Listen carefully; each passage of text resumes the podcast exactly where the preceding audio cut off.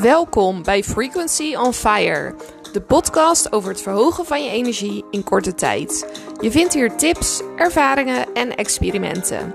Neem niks van me aan, maar probeer uit wat er voor jou werkt. Jij bent uniek en dat is geweldig.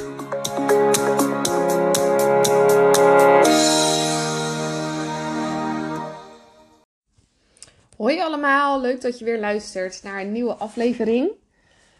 Ehm, op Instagram werd er massaal gestemd op dat jullie een podcast wilden over human design en hoe je meer uit je chart kan halen of hoe je überhaupt al dingen uit je chart kan halen.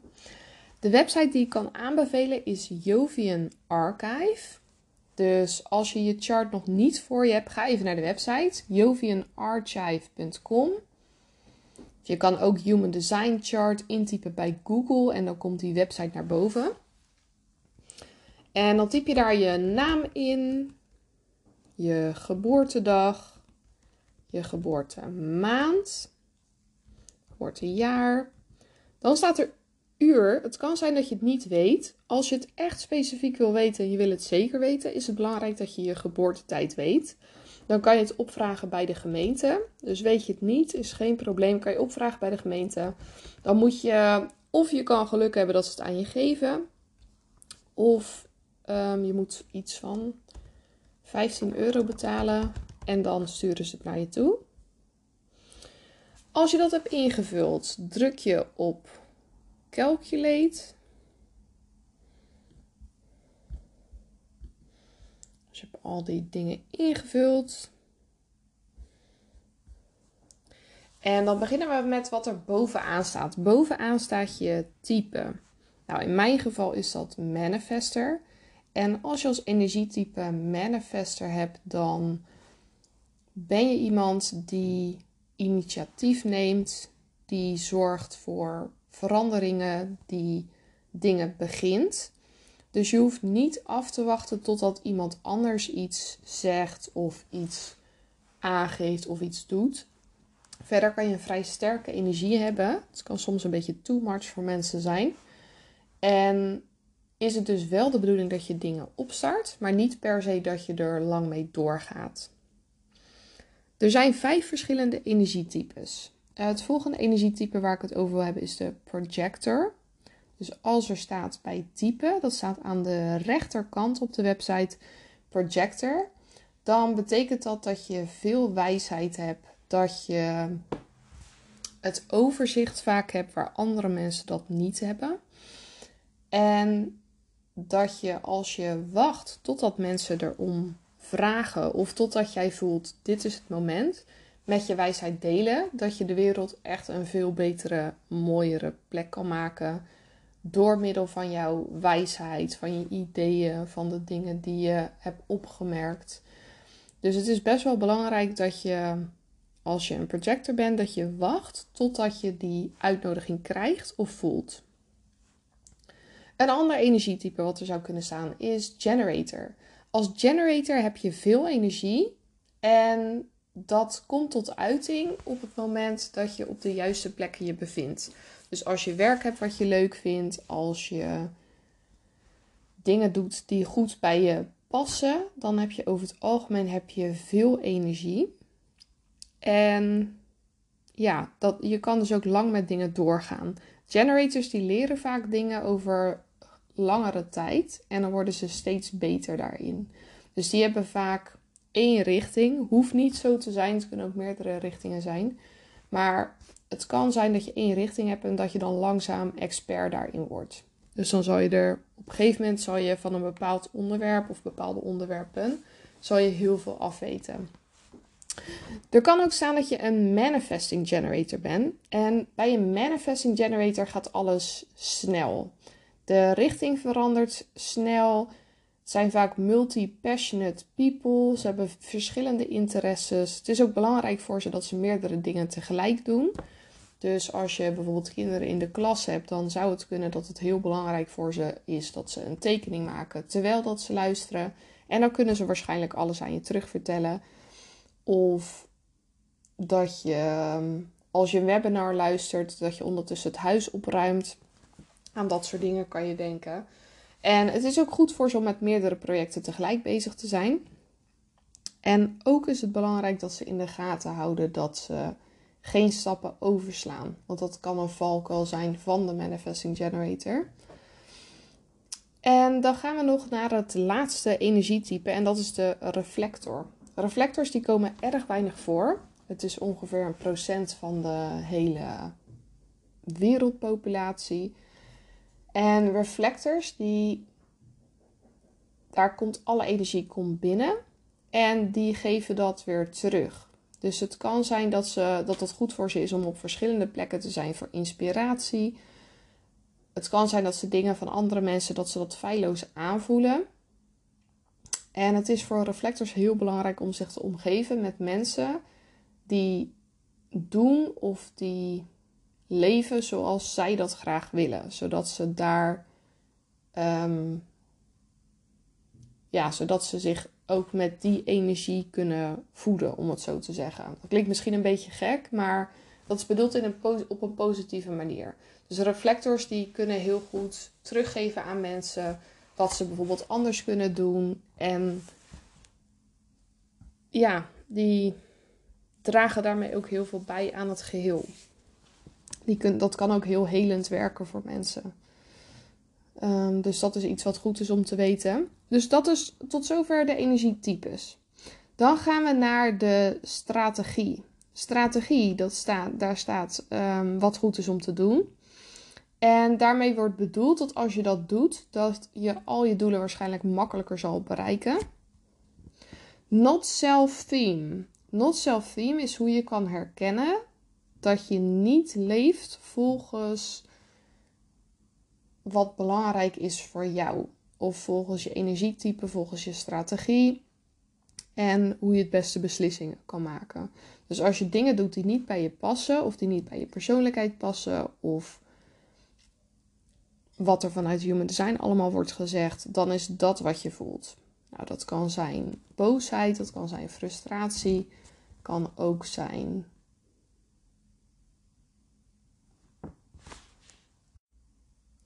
Dus tot zover de eerste basisdingen van Human Design. Wil je meer weten, dan geef ik in december geef ik nog vijf readings. Als je daar interesse in hebt, laat het me even weten. Veel liefs en fijne dag. Wat superleuk dat je luisterde naar de podcast.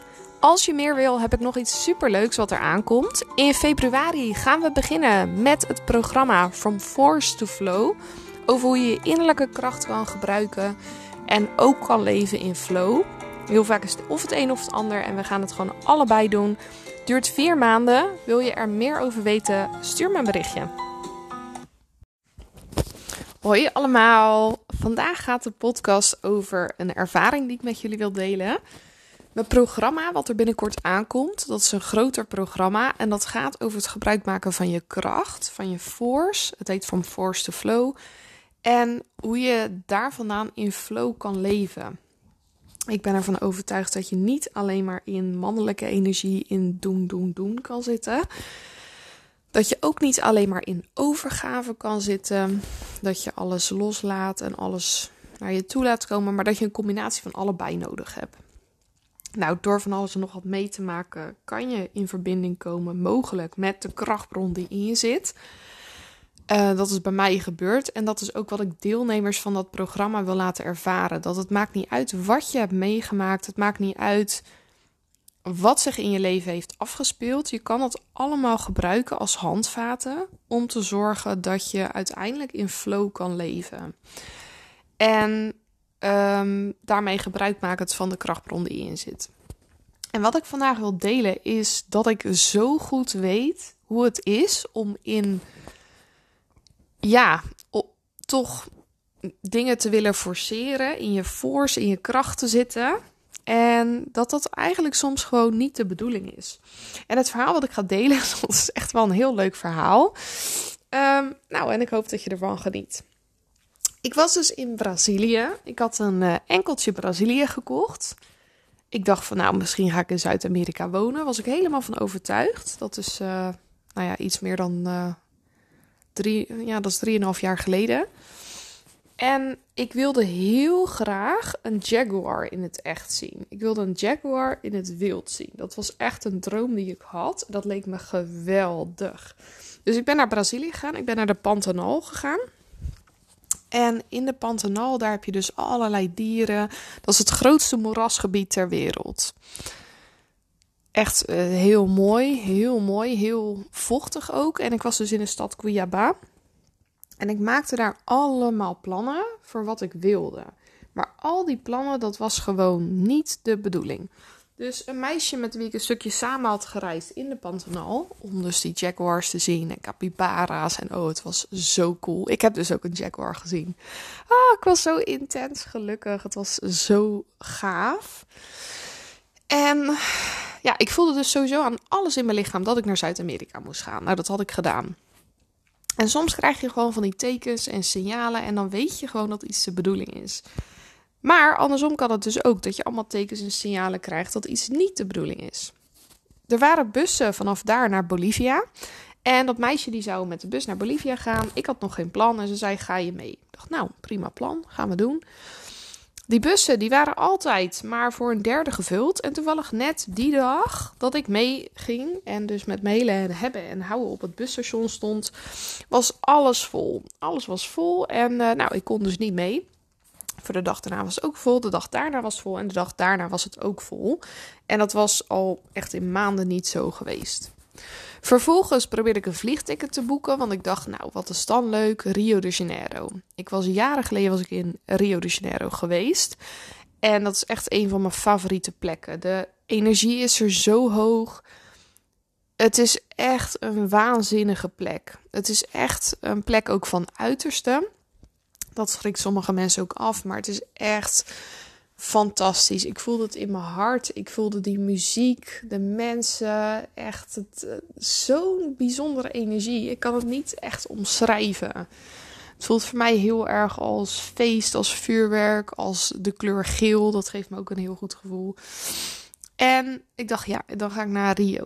Want ik was van plan om nog langer in Brazilië te blijven. Ik was daarvoor, voordat ik in de Pantanal was beland, was ik uh, door het uh, noorden van het land gereisd. Wat ook echt prachtig was en echt aan te bevelen. Um, ja, en jaren daarvoor had ik dus de kustlijn meer gehad. Maar ik wilde dus naar Rio de Janeiro en het lukte me dus met geen mogelijkheid om een ticket te boeken. Het lukte gewoon niet. Ik heb het gevraagd uh, aan de mensen van Dolstof die me wilden helpen. Zelf ben ik ontzettend goed in vliegtickets vinden, zoeken en boeken. Zo was ik ook voor 200 euro überhaupt naar Brazilië gevlogen vanaf Nederland. Er zijn honderd websites waarop je vliegtickets kan boeken. Er zijn zoveel manieren waarop je het kan doen. En al die manieren lukten allemaal niet. Ja, ik leg, legde toen de link nog niet dat het echt de bedoeling niet was. Maar ik dacht alleen maar, wat gebeurt hier? Dus naar Bolivia, dat lukte niet. Naar Rio de Janeiro lukte niet. De enige tickets die beschikbaar waren, die waren 500, 600 euro. En ik dacht, ja, Mahula, ik heb uh, sowieso gespaard om een paar maanden te reizen. Nou, dat, uh, dat lukte al. Dat was sowieso magisch voor mij dat het was gelukt. En heel bijzonder. Want ik had ja, als leerkracht geen bizar hoog salaris, maar het was gewoon gelukt. Dat ging ook allemaal van een leien dakje. Dus dat was allemaal echt de bedoeling. Overigens wel, ja, veel verschillende dingen voor gedaan om dat uh, voor elkaar te krijgen. Qua werk en yogalessen geven en van alles en nog wat. Wat ook heel leuk was om te doen. Um, maar ik dacht, ja, ik ga natuurlijk niet 500, 600 euro uitgeven aan een vliegticket binnen Brazilië. als ik voor 200 euro daar naartoe ben gekomen. Plus dat ik dan mijn reis zou moeten verkorten. Al wist ik nog niet hoe lang het ging duren. Maar... Dus dat was ik echt niet van plan. En nou, uiteindelijk dacht ik, ja, wat is dan de bedoeling? En ik kon gewoon eigenlijk niet zoveel bedenken. Toen ben ik naar het vliegveld gegaan dacht, nou, misschien kunnen ze me daar helpen. Op het vliegveld lukt het ook niet. Die medewerkers van het vliegveld lukte het niet om een ticket voor me te boeken. Ik heb gekeken, vliegtickets naar Bolivia, vliegtickets binnen Brazilië, vliegtickets naar Peru, vliegtickets naar Chili, naar Argentinië, overal heen. En het lukte allemaal niet. Nou, al, duidelijker kan het niet. Het was gewoon echt de bedoeling niet. Ik was moe, ik was chagrijnig, ik had trek en mijn mobiel was leeg. Dus ik dacht, nou, Laat allemaal maar eventjes. En toen ben ik mijn mobiel gaan opladen. Heb een grote acai gehaald. Dat is een uh, Braziliaanse snack. Dat is nu hier ook heel populair. Super lekker trouwens. En toen zat ik daar. En toen kwam er een Braziliaanse man naast me zitten. Een uh, hele aantrekkelijke man, kan ik wel zeggen. En ik dacht, oh, oké. En die ging naar Australië. en we raakten aan de praat. En hij vroeg: Ga je anders met me mee? En ik dacht: Ja, ik zit hier. Ik heb geen plan. Ik kan net zo goed meegaan. Dus ik ging kijken. Maar daarheen lukte het uiteraard ook niet om een vliegticket te boeken. Wat maar goed is ook. Anders uh, was heel mijn leven anders gelopen. Dus dit is precies ook weer wat de bedoeling was. En um, hij zei tegen mij: Van ja hier hoef je niet heel lang te blijven. Ik was in Cuiabá en ik was daar al een tijdje, omdat het me dus niet lukte om, nou ja, eigenlijk daar weg te komen op een bepaalde manier. En hij zei van ehm, dat er een plaats was daar in de buurt en daar was hij helemaal fan van. Zijn familie die was daar ook een tijd geweest. Hij zei het is een super mooie plaats. Um, ja, dat als ik nog tijd zou hebben, dat heel goed zou zijn om daarheen te gaan. Ik dacht, nou prima, dan ga ik dat proberen. Onderweg kwam ik nog een vrouw tegen en die had een tatoeage van een klavertje 4. Ik had een paar klavertjes 4 bij me, want die had ik net gevonden. En ik gaf haar er een. En ze was zo blij. Ze begon te huilen. Ze had er nog nooit een in het echt gezien. Dus nou, dat voelde al ja, dat ik en die jongen tegenkwam en dat die vrouw zo blij was. Dat voelde allemaal dat ik dacht, oh, dit is wel de bedoeling. Toen ging ik met de bus naar dat plaatsje wat die, uh, wat die man had gezegd. En toen ik daar was, toen werd ik echt heel beroerd. Dus ik raakte mega aan de diarree. Um, en dat was echt een zeer groot probleem geweest als een van die andere reisplannen wel was gelukt. Want dan had ik een of andere bizarre vlucht gehad naar Bolivia van 30 uur. Of ik had, um, en niet 30 uur achter elkaar natuurlijk, maar met allemaal hele rare overstappen. Van, met uh, super lange overstaptijd. Um, Peru, dat was anders volgens mij zelfs 40 uur geweest, omdat ik zo vaak over had moeten stappen. Uh, Rio de Janeiro, dat kon met allerlei bussen, waardoor ik er volgens mij 50 uur over zou doen. En dat was allemaal echt een grote ellende geworden. Dus eigenlijk voelde ik me heel beschermd dat dat allemaal niet is gelukt. Nou, toen heb ik daar een paar dagen op het toilet gezeten. En toen het weer goed ging, toen ging ik terug. En toen heeft een Braziliaanse vriend van mij, die heeft me geholpen met toch een vliegticket boeken. En toen ben ik naar Peru gegaan. Nou, dat was 100% de bedoeling. Um, en dit is een van de, nou, honderden voorbeelden, misschien wel duizenden voorbeelden die ik heb. Dat soms als je iets te veel probeert te forceren, te veel op jezelf vertrouwt en te veel, ja, alleen maar uitgaat van dat jij iets kan doen of verzinnen of regelen, dat dat niet werkt. En ik bedoel dus niet dat het nooit werkt, maar in sommige gevallen krijg je eigenlijk heel veel tekens, heel veel aanwijzingen dat het op dat moment niet de bedoeling is. Dus als je dat ervaart, dan is het heel goed om juist wat meer in die overgave te gaan zitten. In dat even achteroverleunen. In ja, het even laten hoe het is. En dan kijken wat er voorbij komt en wat dan voor jou de bedoeling is. Want soms is zo duidelijk dat iets tijdelijk even niet de bedoeling is, dat als je dan heel erg hebt bedacht van ja, maar dat is wat ik ga doen, dat het echt de bedoeling is dat je dat heel even loslaat, omdat dan misschien of je wordt beschermd, of er komt nog iets veel beters aan, of de timing is nog niet hoe het moet zijn, of er iets, iets wat eerst moet gebeuren. Dus soms heb je bijvoorbeeld ook dat je misschien voor een bepaalde baan niet aan wordt genomen nog, die je heel graag wil. Maar dat je daardoor bepaalde skills kan leren, waardoor je daarna, als je wel wordt aangenomen, bijvoorbeeld een veel betere positie krijgt of een veel betere functie. Of iets wat meer betaalt, of iets wat je veel leuker vindt, of iets waarbij je meer vrije tijd overhoudt. Dus ja, als dingen niet doorgaan, dan wil dat niet zeggen dat er per se iets slechts aan de hand is. Het kan ook zijn dat het dus of de timing nog niet is, of de plek nog niet. Of dat er eerst iets gaat gebeuren. Of dat er iets nog veel beters aankomt. Zo had ik ook bijvoorbeeld voor Brazilië dat ik. Oh, sorry. Dat ik ehm, mijn huis wilde onderverhuren. En ja, dat, er waren een paar mensen geweest. Die hadden allemaal afgezegd. Uiteindelijk zat ik best wel te stressen. Dat ik dacht, ja, kan ik wel weg? Want ik vond het gewoon geen fijn idee dat mijn huis leeg zou zijn voor, ja, op dat moment nog onbepaalde tijd. Ik had geen idee hoe lang ik weg zou gaan. En toen uiteindelijk kwam er iemand die helemaal, helemaal oké was met het idee dat ik wel eens terug zou kunnen komen.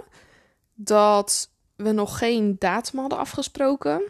En ja, ze was heel, heel netjes, heel lief, heel aardig. Dus dat was precies hoe het moest zijn. Terwijl die mensen daarvoor, die wilden dan per se van tevoren weten hoe lang is het precies. Um, wat is exact de bedoeling. Um, die waren daar niet flexibel in. Dus het was voor mij zoveel beter dat die mensen uiteindelijk af hebben gezegd. Dat was gewoon, ja, precies hoe het moest zijn. En um, ja, zo weet je gewoon van tevoren niet hoe het loopt. Maar achteraf kan je vaak wel dingen met elkaar connecten. En dat je dan weet van, oh, dat is de reden waarom dit niet doorging. Of dat is de reden waarom dat beter is. Of, oh, ik heb hier zo van genoten. En dat vond ik eigenlijk nog tien keer leuker dan wat ik eigenlijk zou gaan doen. Dus ja, ik zou er een keer op letten. En um, nou ja, nogmaals, mijn programma begint binnenkort. Dus vind je het leuk? Laat me even weten wat je vragen zijn of, uh, of je interesse hebt eventueel. En ja, kijk eens naar die dingen die toevallig lijken, maar die eigenlijk heel goed voor je werken. Ik wens je een fantastische dag en veel liefs. Iedereen een heel gelukkig nieuwjaar. Ik hoop dat je goede dagen hebt gehad. En er zijn zoveel mensen die nu gaan beginnen met goede voornemens. Nou, onze oud en nieuw was uh, heel anders dan andere jaren. Andere jaren ging ik lekker naar een feestje of uh, de stad in of dat soort dingen. En nu woon ik tegenwoordig in Goes in plaats van Rotterdam. Dus dat is sowieso al heel anders. En onze dochter die lag heerlijk te slapen. Dus ja, wij zaten eigenlijk met z'n tweeën. We hadden, ja, hadden beter een plan kunnen maken of mensen kunnen uitnodigen. Maar ja, achteraf weet je altijd alles. En we hadden heel mooi uitzicht. Um, dus we zagen super veel vuurwerk, dus dat was hartstikke leuk. En om even terug te komen op die goede voornemens. Mensen hebben daar allerlei meningen over. Want het is goed of het is niet goed. Nou, mij maakt dat allemaal niet uit. Doe vooral wat er lekker voor je werkt. En um, ja, heel veel mensen hebben dus als goed voornemen om te gaan mediteren. En ik kreeg dus de vraag: waarom is dat nou zo moeilijk? Want als je gaat beginnen, dan kan het aanvoelen als moeilijk. Nou, de reden daarvoor is, is dat als je begint met mediteren, dat er heel veel spanning vrijkomt. En doordat je voelt dat die spanning vrijkomt, denk je misschien, ik doe het niet goed. Er is een beeld, ik heb geen idee wie dat ooit heeft verzonnen, maar dat als je mediteert, dat je volledig zen bent, uh, dat je je geweldig voelt, dat je misschien wel verlicht raakt, dat alles helemaal heavenly is. Het is gewoon niet waar. Het is gewoon niet waar. Het zou kunnen dat je die ervaring een keer hebt. Zo ja, dan ben ik super blij voor je. Ik heb die ervaring wel meerdere malen gehad. Dat ik me echt heel heerlijk en fijn en geweldig voelde. En dat kan ook zeker. Ik heb een manier om het uit te leggen dat je misschien snapt wat er gebeurt. Op het moment dat je gaat mediteren, dan kan er onrust kan er vrijkomen. Of gevoelens kunnen er vrijkomen, spanningen die je hebt gehad. Dat komt allemaal vrij, omdat je er de tijd voor hebt, omdat je er de ruimte aan geeft en dan kan het tevoorschijn komen. Maar daarna kan het ook weg. Dus dat tevoorschijn komen, dat voelt vervelend en dat het weggaat, dat is natuurlijk heel fijn voor daarna. Je kan het vergelijken met een kast waar je constant kleren in propt. En elke keer dat je langs loopt, dan blijf je er wat nieuws in proppen. Hij zit al lang en breed vol. Waarschijnlijk moet je je volledige gewicht erin gooien om te zorgen dat hij dicht blijft. Uh, en dat uh, kan op magische wijze. Misschien zit er een hendeltje op. Maar ja, sowieso is het een keer klaar. En elke keer dan heb je, als je wat eruit haalt, dat je denkt: jemig, komt er nog meer troep uit die kast. Terwijl elke keer dat je er iets uithaalt en je haalt dus wat troep uit die kast, dan wordt die iets leger. En zo is het dus ook met je mind, met je geest, met hoe je het maar wil noemen, met je, ja, je hele zijn. Dat als je ruimte geeft aan alles wat eruit mag komen, dat het dan elke keer net iets opgeruimder raakt. Dus elke keer krijg je net iets opgeruimder nou, humeur, uh, staat van zijn, geest. Waarschijnlijk is het ook heel goed voor je concentratie. Dat ervaar ik in ieder geval heel sterk. Dat sinds ik mediteer, mijn concentratie enorm is toegenomen. En dat ik ook beter dingen kan onthouden en beter kan structureren. Dus dat kunnen allemaal bijeffecten zijn. Maar als je dus hebt dat er veel gevoelens komen of dat je heel onrustig wordt als je gaat mediteren, dat geeft niet. Dat, dat kan je gewoon er laten zijn. Dat betekent alleen maar dat je aan het opruimen bent. Dus dat hele beeld dat je je geweldig voelt als je aan het mediteren bent, dat je helemaal zen bent en ja, dat het eigenlijk allemaal niet beter kan, dat mag voor mij, wat mij betreft, de deur uit. Want ja, dat is gewoon in heel veel gevallen niet hoe het werkt. Het kan wel dat je het ervaart hoor. En het kan ook zijn dat je het de ene keer wel ervaart, de andere keer niet. Het kan ook zijn dat je het elke keer wel ervaart. Dus daar is natuurlijk ook helemaal niks mis mee. En ja, als er dingen zijn die uit die ja, figuurlijke kast, dat klinkt misschien een beetje gek, maar wat daaruit mag komen, dan, ja, dan zal dat eruit komen op het moment dat je daar de tijd voor neemt en de deuren openzet. Dus um, ja, voel je niet alsof je het niet kan. Wat ik ook echt een heel storende uitdrukking vind. Maar weet gewoon dat je goed bezig bent door die tijd voor jezelf te nemen. En dat je dan de ruimte geeft aan alles wat er mag zijn. Waar je, wat je misschien normaal wel wegstopt. Ik ken eigenlijk heel weinig mensen die hun gevoelens gewoon helemaal er laten zijn. Want er zijn gewoon gevoelens die je graag wil ervaren en er zijn gevoelens die je liever niet wil ervaren.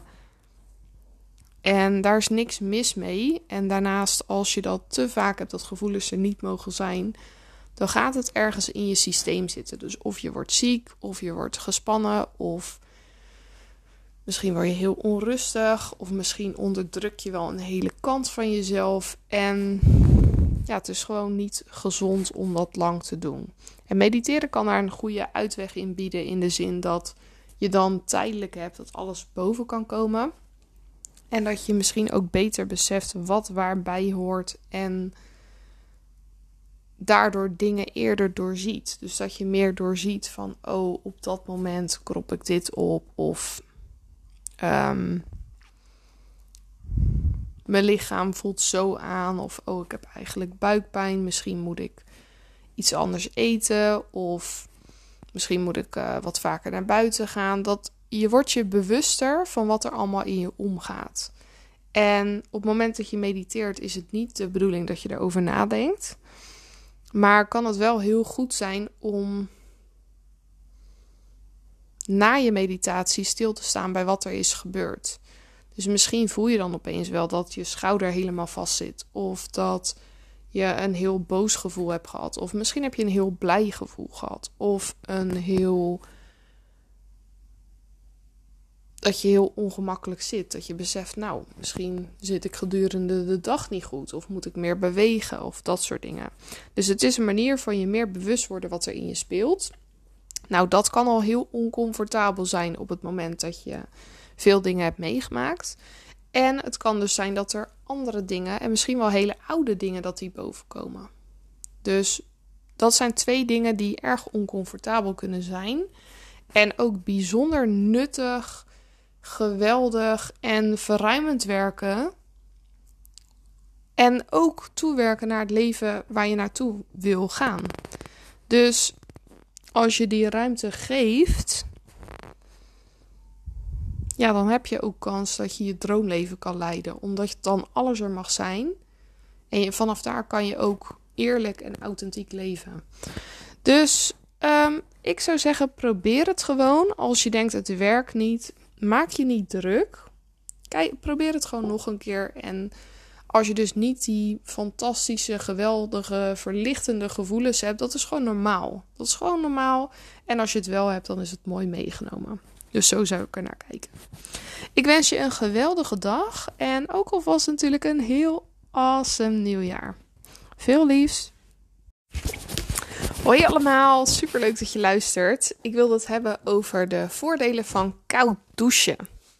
Nou, zelf heb ik vanochtend ook koud gedoucht en ook mijn haar gewassen. Dat vond ik echt een hele tijd nog echt een dingetje om dan daadwerkelijk je haar te wassen. Met koud water. En ja, koud douchen wordt voor mij nou niet iets waarvan ik denk: oh yes, ik ga weer lekker koud douchen. Ik heb eerder dat ik denk: oh lekker, ik ga weer warm douchen. Maar het doet echt veel. Mijn bloed stroomt door, ik voel me geactiveerd, ik voel me energieker en heel de dag heb ik dus meer energie. En daarnaast, wat ik echt zo'n goed argument ervoor vond, is dat Tony Robbins zegt dat hij, hij doucht dus elke dag koud. Weet ik niet omdat ik erbij ben geweest hoor, maar omdat hij dat uh, vertelt. En wat hij zegt dat er gebeurt, is dat je jezelf traint om moeilijke dingen te doen. Dus je traint jezelf gelijk in de ochtend om iets te doen wat je moeilijk vindt. En dat daardoor andere dingen die je moeilijk vindt, dat je die veel makkelijker gaat doen. Omdat je gewend bent of gewend raakt dat je moeilijke dingen, dat je dat kan. Ik vind dat zo'n interessante manier van ernaar kijken. En ik denk dat het zeker waar is. Want als je gewend dat je als je iets moeilijks tegenkomt, dat je dat kan, dan kies je meer je ervaringen. En dan is het niet zo dat je ze uit de weg gaat omdat je denkt: oh, dat zal wat te moeilijk zijn. Of kan ik dat wel? Maar dan denk je: nou, dat is iets moeilijks en ik kan ervoor kiezen om dat te doen. Dus nou, dat wilde ik uh, sowieso even delen. Ik vind dat echt heel interessant. En ook wat zo'n kleine gewoonte dan teweeg kan brengen. Want het gaat dus niet alleen maar om die koude douche. Het gaat er niet alleen maar om dat je dan daarna lekker schoon bent. Maar ook omdat je dan dus je hele mindset kan veranderen door zoiets kleins te gaan doen. En dat is met heel veel dingen. Het lijkt allemaal niet zoveel verschil te maken. Er zijn dingetjes die kosten een paar minuten. Maar dat bouwt op naar iets veel groters, namelijk naar enorme groei. Of dat nou is in je mindset of lichamelijk. Dus ook met bijvoorbeeld push-ups. Je begint met één push-up en dan denk je, ja, wat is nou één push-up? Maar als je elke dag er eentje bij zou kunnen doen, dan kan je over een maand kan je gewoon 30 push-ups. En dat is echt veel. Dus ja, onderschat niet de kracht van een kleine gewoonte en hoe dat over tijd kan opbouwen. Je kan daarmee ook gewoon echt een systeem voor jezelf maken met allemaal kleine gezonde gewoontes. Die na verloop van tijd toch echt een groot verschil gaan maken. Dus uh, deze aflevering is heel kort maar krachtig. Um, ja, heb ik eigenlijk niks aan toe te voegen voor dit moment. Hopelijk inspireert het je en ik wens je een geweldige dag.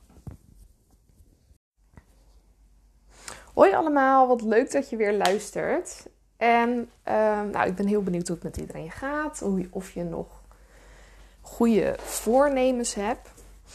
En ik zat zelf na te denken over allemaal goede voornemens. Ik wil zelf wat minder suiker gaan eten. Iedereen die me kent, die weet dat ik echt dol ben op chocola en dat ik echt niet kan weerstaan. Maar ja, als ik nou zo'n hele reep opeet, is het niet dat ik me daarna nou, in ieder geval heel veel gevallen, nou beter voel dan daarvoor. En ik hoorde, ik zat een podcast luisteren vanochtend. En ik hoorde zoiets interessants waar ik het zo ontzettend mee eens ben. Het ging namelijk over het bouwen van nieuwe gewoontes. En diegene die zei dat die Um, de naam ben ik even vergeten. En het was ook op de show van iemand anders. Dus stel dat iemand wil weten, dan kan ik het voor je opzoeken wie het was. Maar diegene die had allemaal marathons gelopen. En lange afstanden. En echt veel ook had hij er gedaan. En die zei dat toen hij begon met hardlopen, dat zijn enige doel was om elke ochtend zijn hardloopschoenen aan te doen en naar buiten te gaan. Hij zei: Ik verplichtte mezelf toen niet om te rennen, niet om heel ver te wandelen. Het maakte helemaal niet uit wat ik daar ging doen, als ik maar dat daadwerkelijk deed. En op die manier heeft hij dat zo in zijn systeem gekregen dat hij dus uiteindelijk allerlei marathons heeft gelopen. Hoe cool is dat? En hoe goed is het als je jezelf zoveel ruimte geeft om dingen in je systeem te krijgen. En hij zei ook nog dat het grootste probleem is met nieuwe gewoontes creëren, is dat mensen er te veel tegelijk willen doen.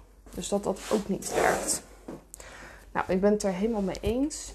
Verder heb ik ook uh, op Instagram had ik een post gezet over mediteren. Dat er zoveel rare opvattingen lijken te zijn tegenwoordig over wat daarvoor nodig is. Van ja, je hebt zo'n speciaal kussentje nodig.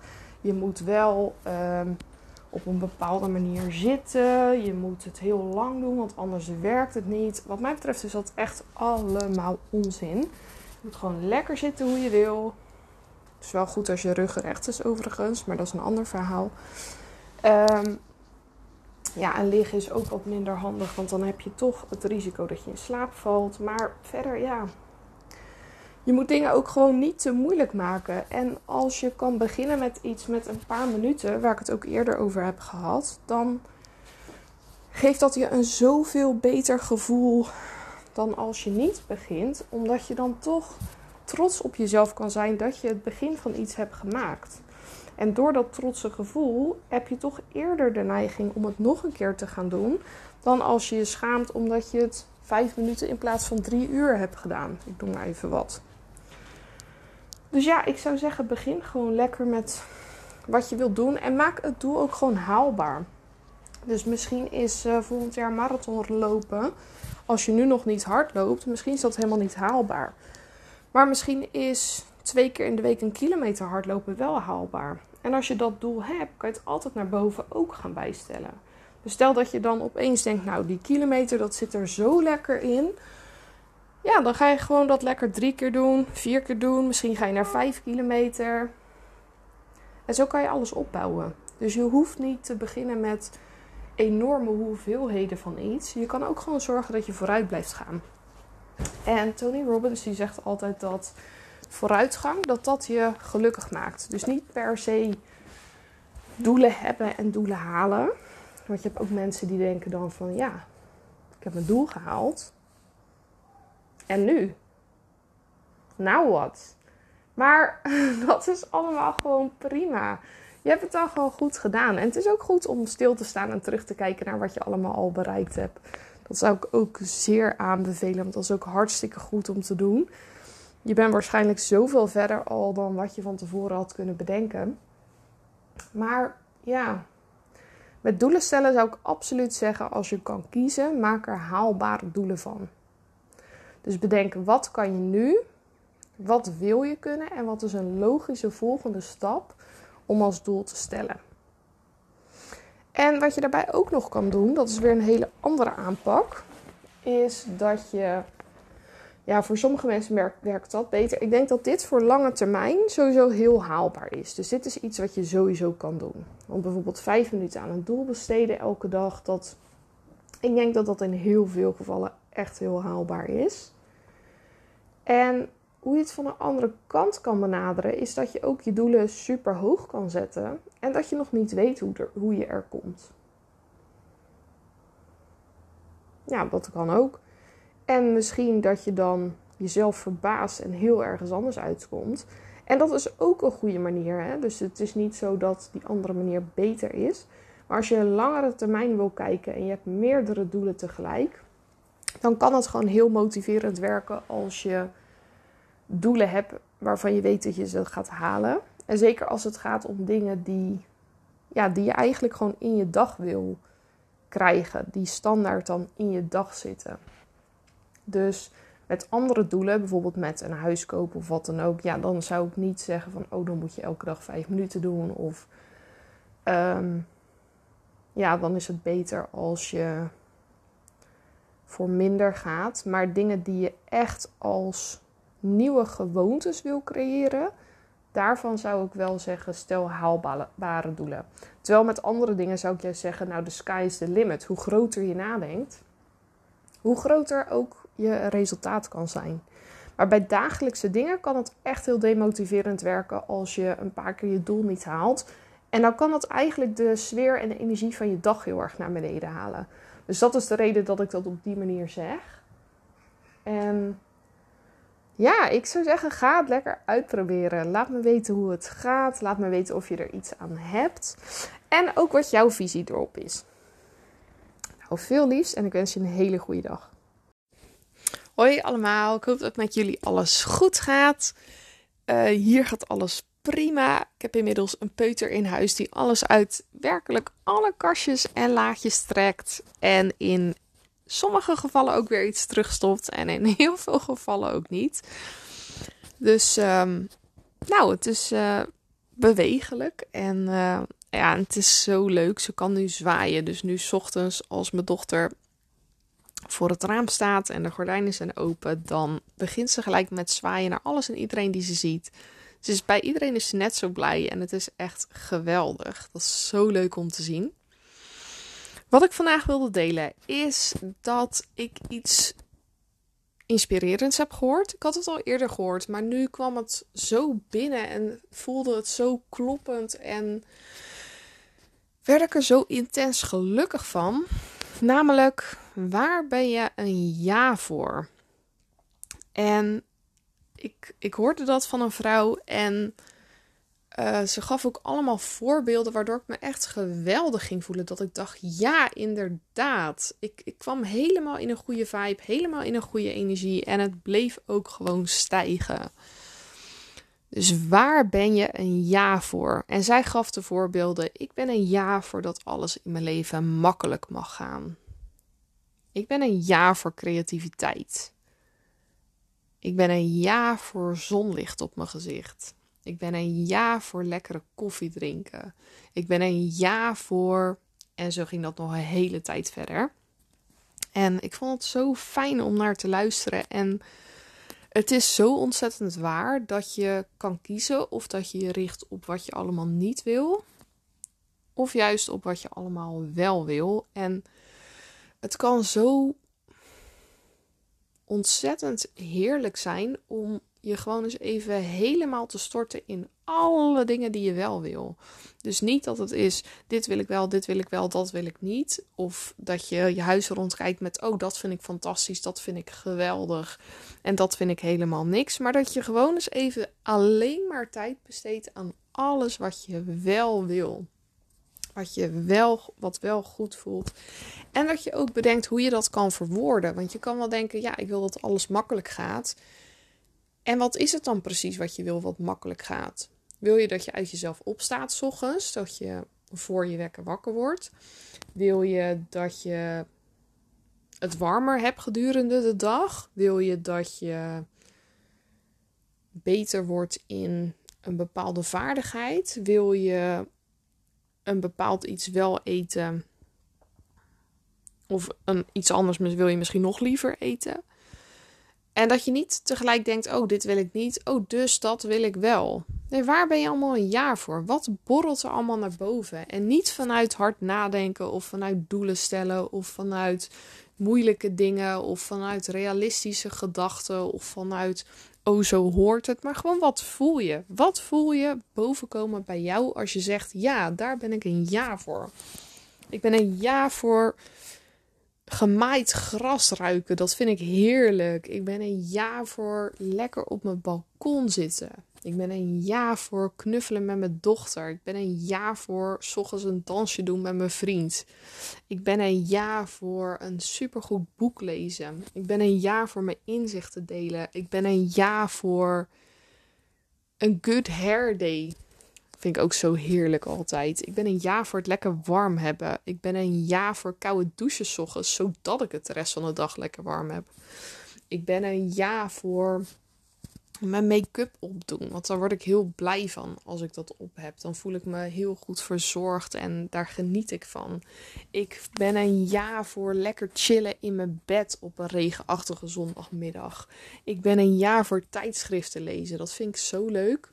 Ben een ja voor lekkere luchtjes. Oh, ik hou ervan als mijn huis lekker ruikt. Als ik zelf lekker ruik. Als ja, als je daardoor gewoon een hele andere sensatie ergens bij krijgt. Ook van die winkels waarin ze zo'n specifieke geur hebben hangen, die voor hun is gemaakt. Dus dat het ook de bedoeling is dat het er hangt.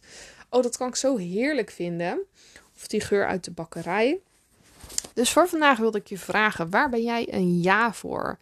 En neem vijf minuten de tijd. Zet een wekker, dat je ook voor die tijd gewoon niet stopt. En schrijf eens alles op waar jij een ja voor bent. Ja, ja, ja, ja, ja. Ja, ja. Ja, ja, ja, ja. Waar ben je allemaal een ja voor? Schrijf het allemaal op. En voel wat het doet met je energie en hoe makkelijk dat ook gaat. En zeker hoe makkelijk dat gaat als er niks achter zit. Er zit niet iets achter van dat het een bepaald doel moet zijn.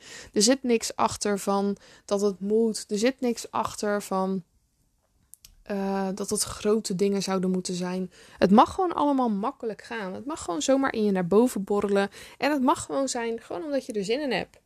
Ja, ik ben een ja voor mijn yes-list. Nou, ik hoop dat je nog een fantastische dag hebt en heel veel liefs. Wat leuk dat je weer luistert. Ik hoop dat alles goed gaat. En het is echt uh, koud geweest de afgelopen week. Dus ik hoop dat je er uh, weinig last van hebt gehad. Of dat je lekker ook een beetje binnen hebt kunnen zitten. Ondanks alle andere dingen die je op de planning had staan. Um, hier gaat alles goed. Ik ben dus bezig met de vijfdaagse, de gratis vijfdaagse van Tony Robbins. En ik vind die man echt een held. Niet alleen door alle gratis maaltijden die hij uitdeelt of door de gratis training die hij geeft, maar wat een energie. En hij legt alles zo duidelijk uit dat je eigenlijk bijna alles gelijk in je leven kan toepassen. Dus als je dit vandaag luistert en je denkt ik ga nog meedoen, dan kan je volgens mij de replays nog kijken. En wauw, wat een energie, wat een voorbeelden. En zoveel mensen die met zijn kennis al hun leven hebben kunnen veranderen. En ik wilde met je delen wat mij het meest opviel tot nu toe. En waarvan ik dacht: oh, daarom werkt het zo. Ik wist al wel dat het zo werkte, maar ik had geen idee waarom. En dat legde hij heel goed uit. Um, er kwam in naar voren dat de reden dat mensen geen blijvende veranderingen maken, is omdat ze de volgorde van stappen verkeerd aanpakken. De meeste mensen bedenken eerst hoe ze het gaan doen. Daarna hebben ze een bepaald verhaal daarover. En daarna komen ze in een bepaalde staat, een bepaalde gemoedstoestand. En zijn idee is, en dat is ook mijn ervaring met mensen die ik bijvoorbeeld heb gecoacht, of mensen in een yogales of kinderen op de basisschool, dat als je eerst in een hele hoge energie komt. Je komt in een gemoedstoestand waarin je super enthousiast bent, of je bent blij, je bent vrolijk, je hebt er zin in, je bent gemotiveerd. Je voelt je goed, je voelt je super goed. Dat je dan daarna het verhaal wat je jezelf vertelt kan veranderen. Dus het verhaal zou kunnen zijn: Oh, ik ben nou eenmaal niet sportief. En als je bijvoorbeeld 5 kilometer wil hardlopen, vind ik een heel fijn voorbeeld, omdat het super concreet is. Dan is het super goed als jij het verhaal kan maken. Ik word elke dag sportiever. Elke dag word ik fitter, sterker en sportiever. En hoe vaker je dat soort dingen tegen jezelf zegt, hoe meer je het gaat geloven. Dus het is super nuttig als je elke keer dat de gedachte voorbij komt: ik ben nou eenmaal niet sportief, dat je het ombuigt naar: ik ben sportief aan het worden. En uiteindelijk kan je ervan maken: ik ben wel sportief. Uiteindelijk zie je door de acties die je onderneemt, zie je zo vaak dat je sportief bezig bent, dat je het nieuwe verhaal in je hersenen gaat plaatsen met ik ben sportief in plaats van ik ben niet sportief. En dan daarna kan je gaan kijken hoe doe ik dat dan? En hoe doe je dat dan? Is door actie te ondernemen. Uh, dus hoe sneller je actie onderneemt, hoe makkelijker het is om dat als bewijs te zien van het nieuwe verhaal wat je jezelf vertelt. En dit kan je op alle vlakken doen. Dit kan je doen door nou ja, vaardigheden die je wil leren. Het kan ook zijn dat je op een bepaalde manier je wil gedragen. Dat je bijvoorbeeld merkt dat je best wel chagrijnig bent geweest en dat je een vrolijk persoon wil zijn. Nou, wat heb je ervoor nodig om een vrolijk persoon te zijn?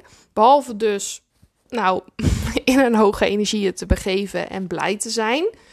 Ook dat je het verhaal hebt, ik ben een vrolijk persoon. Want als jij constant denkt, ja, ik ben nou eenmaal een chagrijnig persoon, dan ga je je niet gedragen als een als een vrolijk persoon. Dus het verhaal moet veranderen. En daarna, hoe ga je dat doen? Nou, je kan bijvoorbeeld complimentjes geven. Je kan glimlachen naar mensen die je tegenkomt op straat. En zo ga je bedenken wat hoort daar allemaal bij. Maar dat is dus de laatste stap. Dus je zorgt dat je eerst in een goede energie bent. Dat kan je doen door je lichaam te bewegen, door dankbaar te zijn voor wat je allemaal nu hebt, door een duidelijke focus te hebben van waar je naartoe wil. En door dat vertrouwen te voelen. Ook al is het er nu nog niet, je voelt dat nu wel.